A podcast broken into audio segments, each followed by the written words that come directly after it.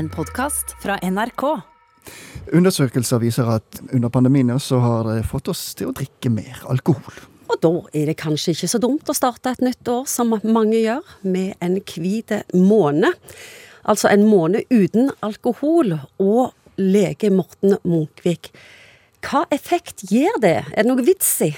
Jeg vil jo si at det er en god idé å prøve å se hvordan kroppen fungerer òg uten det alkoholinntaket som mange tillegger seg i desember, og kanskje en covid-desember er ekstra ille. Ja da, så det, jeg tror man blir overraska når man gjør det forsøket. Men eh, hvorfor ikke spre det over hele året? Det er kjempegodt eh, En kjempeidé. Det, det syns jeg var lurt. Kan vi gjøre det? Ja, det er, my, det, er jo, det, det er, jo, det, som er smart. Eh, å ha et mer fornuftig eh, forbruk av alkohol hele året igjennom. Der vil det ligge mye god helsegevinst. Mm. Men hva skjer med kroppen sånn helt konkret mm. når man kommer ut fra en desember med en del alkohol og en pandemi samtidig, og stopper totalt? Det som skjer først og fremst, er jo at søvnkvaliteten helt umiddelbart blir bedre. Selv om du føler at du sover lenger og dypere når du har drukket, så stemmer ikke det. Man får en dårligere kvalitet på søvnen. I tillegg så kan du føle mm, på konsentrasjonen at den blir bedre. Du blir kvikkere i kroppen, kanskje får bedre treningsutbytte og muligheter, eh, initiativ til å gjøre trening. Helt umiddelbart vil du nok føle mye av det det er mye energi i alkohol.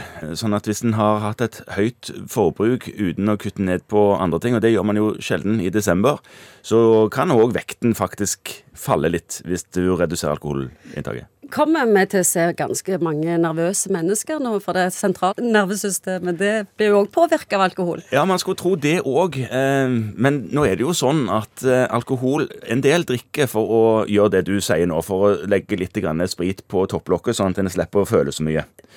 Men psykiske lidelser blir ofte bare verre av å drikke alkohol. Så det er noe man egentlig burde unngå. Depresjoner og angsttilstander og sånne ting. Man føler kanskje der og da at eh, alkoholen hjelper og gjør eh, livet litt lettere å leve, men det gjør egentlig ikke det. Så en av de tingene en òg eh, kanskje vil merke seg hvis en har den typen problemstillinger i livet sitt, er at eh, kanskje med en forbigående liten dupp, så vil en føle at det òg kanskje blir noe lettere. Er det et tegn på, hvis du tar hvit måne, at du har problemer med alkohol? Det er jo litt rart at eh, kvinner som jeg har hørt tar hvite måneder av og til, får ganske hyppige spørsmål om de er gravide. Så jeg syns jo at det sier litt om samfunnet vårt. At eh, hvis man, eh, hvis man ikke drikker, eller sier nei takk når de fleste sier ja takk, så må det være et eller annet å skylde på. At enten er man gravid, eller så drakk man så mye i går at i dag skal jeg ta fri, eller mm. Ja, jeg syns det er, er, litt sånn betegnende for samfunnet vårt nå, at alkohol er blitt en sånn en vare man, eh, man, ikke ser for seg at det går an å leve uten. Så det er litt skummelt, kanskje.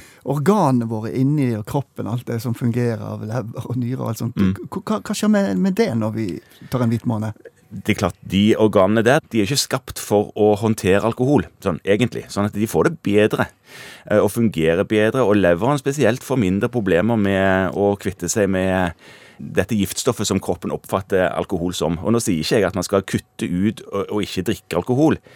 Men hvis vi gjør det som du sa i starten, at man sprer den hvite måneden utover hele året, eh, og drikker de ni enhetene maks eh, per uke som er anbefalt, i alle fall i andre land som liker å sammenligne oss med. Og kanskje prøve å ha hvite dager innimellom, og ha flere hvite dager enn eh, alkoholinnholdsdager, så tror jeg man har kommet veldig langt. Du, hva forteller det deg? Altså, første nedstenging eh, i pandemien, mm. så ble ved en feil Pol stengt. Ja, ja. Og da hørte jeg at Pol var sidestilt med apotek. Ja, altså, ja det, det, ble det Altså, det, det ble faktisk det. Fordi at man hylte såpass høyt fra forskjellige plasser rundt omkring i samfunnet at eh, myndighetene snudde på den eh, bestemmelsen der og åpna Pol igjen. Og da gikk det under den bestemmelsen at sånne samfunnskritiske instanser burde få lov å holde åpent tross i nedstenging. Så, Alkohol er samfunnskritisk? Ja, det, det, kan man sikkert si mye om. Og jeg tror ikke jeg skal være den som uttaler meg mest om det.